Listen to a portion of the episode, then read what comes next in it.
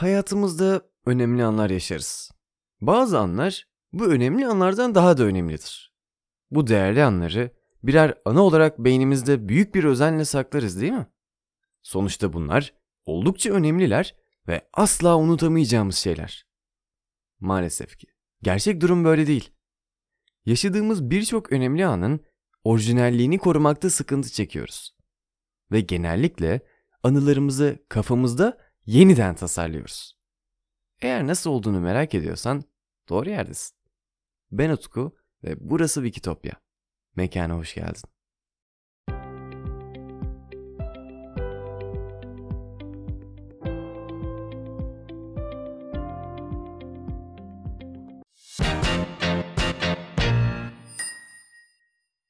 ...11 Eylül'e Amerikalıların asla unutamayacağı olay derler. Fakat bu söz pek de gerçeği yansıtmıyor. Yapılan bir araştırmada Amerikalılara 11 Eylül günü nerede oldukları, ne yaptıkları ve nasıl tepki verdiklerini anlatmaları isteniyor. Anlatmaya başlıyorlar. Kimisi evde olup televizyonda tüm kanallarda bunu izlediğini, kimi üstü başı tozla kaplanmış o adamı görüp travma geçirdiğini, biri de okulda dersteyken sınıf camından dışarı bakarken deniz üstünde yükselen dumanları gördüğünü aktarıyor. Fakat bu anlatılanların yarı yarıya yanlış olduğu ortaya çıkıyor. Mesela sınıf camından dışarı bakan öğrencinin anıları tamamıyla yanlış. Çünkü ilk olarak sınıf penceresi denize bakmıyordu. İkinci olarak da yaşadığı konum dolayısıyla ikiz kulelerden çıkan duman onun bölgesine değil aksi bölgeye gitmişti. Yani bu anısı %100 uydurulma bir anıydı. Fakat kişi bunun doğru olduğuna kesin oranda emindi.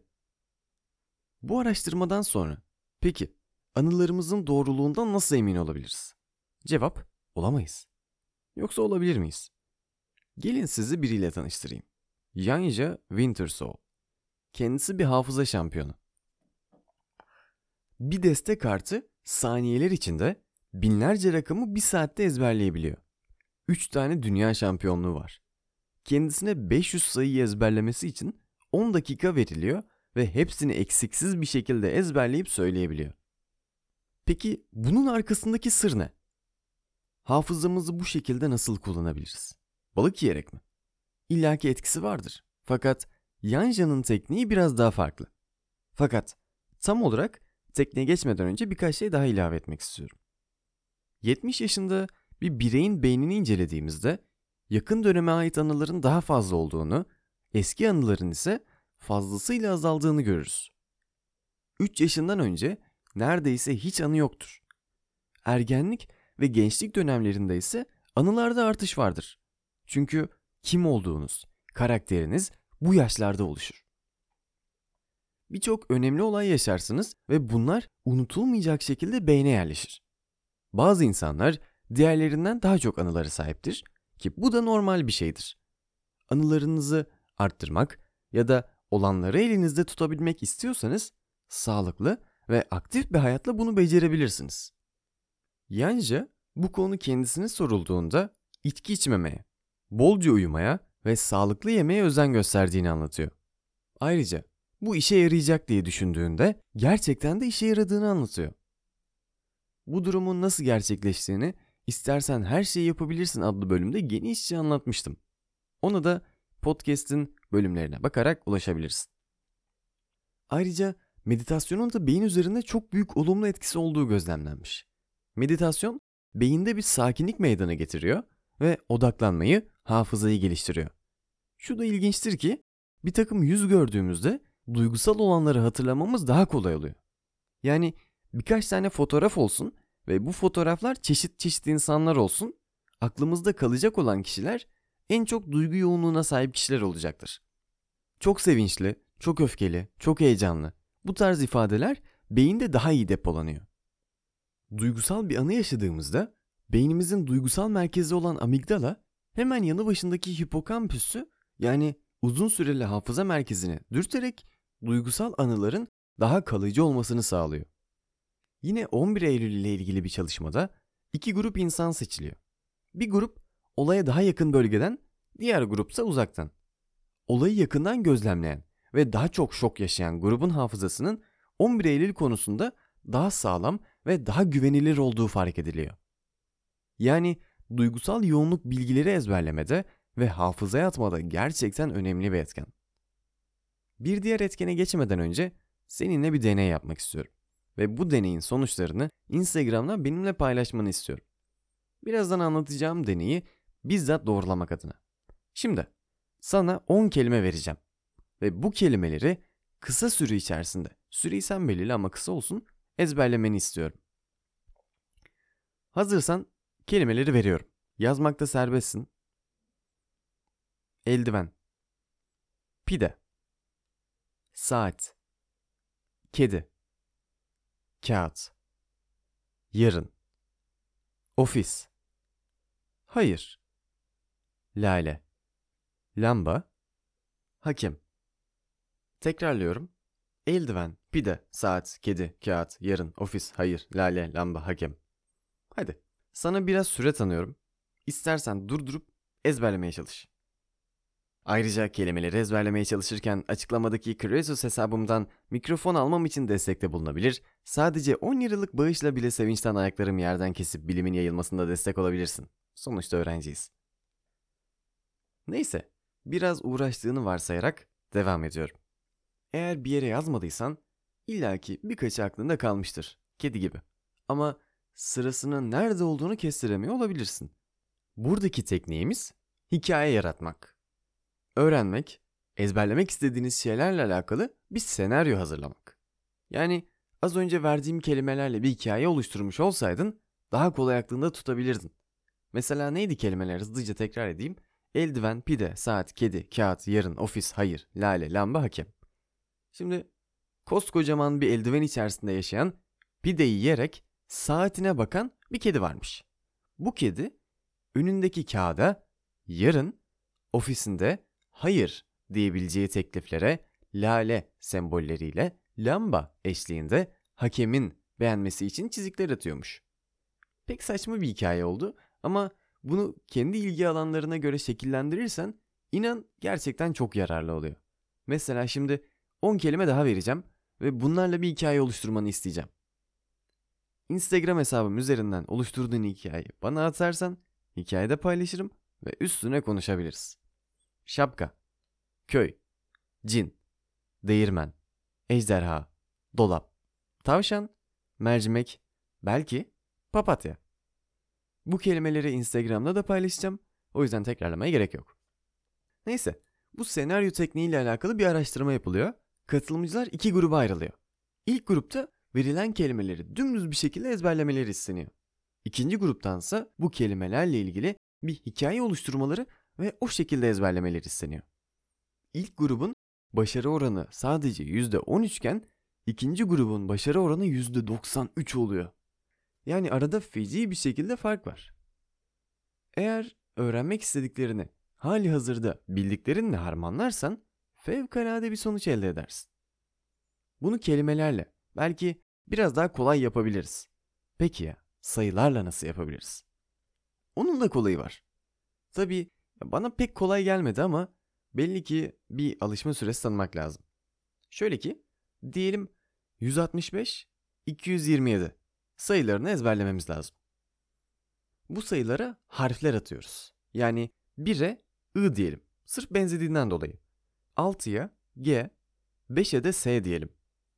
2'ye Z, 7'ye T diyelim. Şimdi elimizde 165 yani IGS ve 227 yani ZZT var. Şimdi sırada bu harflerle anlamlı kelimeler oluşturmak var. IGS deyince benim aklıma hemen HGS geldi. O yüzden IGS'yi HGS tarzı bir geçiş sistemiymiş gibi düşüneceğim. Fakat sadece hızlı geçiş değil, I'dan dolayı ışık hızında geçiş sistemi. Sıra ZZT'de. Bu da bana iki tane zürafanın teleferikle kayak yapmaya gittiğini çağrıştırıyor. Kelimeleri az çok hallettiğimize göre sıra senaryo oluşturmakta. Şimdi çok iyi bildiğim bir yere gidiyorum. Ben okulumu seçiyorum ve sınıftan çıkarak otobüse binmeye gittiğim yolda yürüdüğümü hayal ediyorum. Yanımdan öyle bir şey geçiyor ki rüzgarından uçacak gibi oluyorum. Baktığım zaman görüyorum ki bir araba var. Işık hızında gidiyor ve diyorum ki ya bu hızla nasıl HGS'den geçecek? Kesin IGS'si vardır bu adamın. Köşeyi döndükten sonra da bir bakıyorum ki iki tane zürafa teleferiğe binmiş, kayak yapmaya gidiyor. E IGS neydi? 165 ve iki zürafa teleferikte, teleferikte bu da 227. Bu şekilde hafıza sarayı tekniğiyle bir şeyleri akılda tutmak mümkün. Açıkçası başta biraz karmaşık ve anlamsız gelebilir. Hatta ya ben bu senaryoları yazıp çizeceğime kütük gibi rakamlar ezberlerim daha kolay diyebilirsin. Ama işin içine bir kere gir, biraz antrenman yap, gerçekten daha kolay ve daha sağlam olduğunu fark edeceksin. Çok iyi bildiğin yerlere şaşırtıcı ve duygusal yoğunluklu görseller ekle. Onların arasında yürü. Bu tarz duygu yüklü öğrenme çok işe yarar olduğu gibi bizi bir yerde kitleyebiliyordu aslında. Çünkü ana olaya o kadar odaklanmışızdır ki yani iki zürafanın teleferiğe binmesi o kadar ilginçtir ki bu olayın günün hangi saatinde gerçekleştiğini ya da o gün ne giydiğimiz tarzında ikinci plandaki gerçekleri hatırlayamayabiliriz. Hafızamız içindekileri kararlılıkla koruyan çelik bir kasa değil. Buza yazdığımız yazı gibi. Zaman geçip buz eridikçe yazı da silinmeye başlar. Beyin silinen yazının yerine olasılığı daha yüksek olaylarla doldurur. Mesela bir gün arkadaşınla gün batışını seyrediyorsunuzdur ve aşırı etkileyici bir andır bu. Fakat o an çekirdek çitleyip çitlemediğinizi ya da bir içecek içiyor olup olmadığınızı ya da hangi konu hakkında konuştuğunuzu net hatırlamayabilirsin. Çünkü bu anının baş kahramanı çekirdek ya da başka bir şey değil, güneşin batması. Hatta o kadar ki anılar da yönlendirilebilir. 20 yıl sonra Jennifer Thompson kendisine tecavüz ettiği iddiasıyla hapse atılan adamla bir programa çıkıyor. Ve Thompson'ı anlatmaya başlıyor. O gece zanlının yüzünü net olarak gördüğünü söylüyor. Polisler onu karakola getirip de şüpheliler arasından birisini seçmesini istediklerinde emin olup olmamakla birlikte birini seçiyor. Ve polisler o kişiyi seçtiğinde biz de öyle düşünmüştük diyerek Thompson'ın kararını onaylıyorlar. Kararı onaylanınca Thompson'ın bütün şüpheleri aklından uçup gidiyor ve o gece gerçek zanlının yüzünü net olarak yakından görmesine rağmen o aklından tamamen siliniyor ve onun yerine karakolda seçtiği ve polisler tarafından zanlı olduğu onaylanan adam geliyor. Fakat yıllar sonra DNA testi sonucuyla ortaya çıkıyor ki aslında adamın bir suçu yokmuş. Bu anıların korkunç bir şekilde yönlendirilebildiğinin net bir kanıtı. Hatta öyle ki Amerika'da DNA testleriyle suçsuz yere içeri giren mahkumların suçlarının %70'i tanıkların kendi gözleriyle evet bu dedikleri türden suçlamalardı. Tanıklar olayı hatırlıyordu fakat suçlunun yüzü olay kadar net değildi. Yanlış hatırladıklarımız sadece suçlarla da kısıtlı değil. Kim olduğumuz, nereden geldiğimiz, eskiden neler yaptığımız. Bunlar da belli bir süre sonra suya yazılan yazı gibi oluyor. Uçup gidiyor ve hafızamız bizi kendisinin komik olduğunu düşünen bir palyaço gibi kandırıyor. Hey dostum, dur bir dakika, yapma şunu, komik değilsin desen de boşuna. Fazla inatçı, ille de yapacak. Başka bir araştırmadaysa beynin geçmiş ve geleceği düşünürkenki ilişkisiyle alakalı. Katılımcılara önce geçmişlerini düşünmeleri isteniyor, sonrasında ise geleceğe yönelik hayaller kurmaları isteniyor. Ve böylelikle iki kere beyin tarama cihazına girmiş oluyorlar. Ortaya çıkan sonuç gerçekten de ilginç oluyor. Çünkü anıları hatırlarken beyinde oluşan ağ ile geleceğe yönelik planlar oluştururken oluşan ağ neredeyse aynı çıkıyor. Yani geçmişle gelecek beynimizde ayrılmaz bir bütün olarak çalışıyor. Bundan bir kere daha çok iyi anlıyoruz ki geçmişini bilmeyen toplumlar geleceğine yön veremez sözü gerçekten de fazlasıyla haklı bir söz. Biliyorum ki toplum olarak geçmişimizi derinlemesine analiz edip hatalarımızdan ders çıkarıp suya yazdığımız yazıları artık parşömenlere yazmamız gerektiğini yavaşça anlayacak ve bilimin önderliğinde geçmişimizi ve geleceğimizi doğru bir şekilde bir araya getirebileceğiz. Bu bölümlük Wikitopya'dan bu kadar. Bir sonraki bölümde görüşmek üzere. Kendine çok iyi bak. Hoşça kal.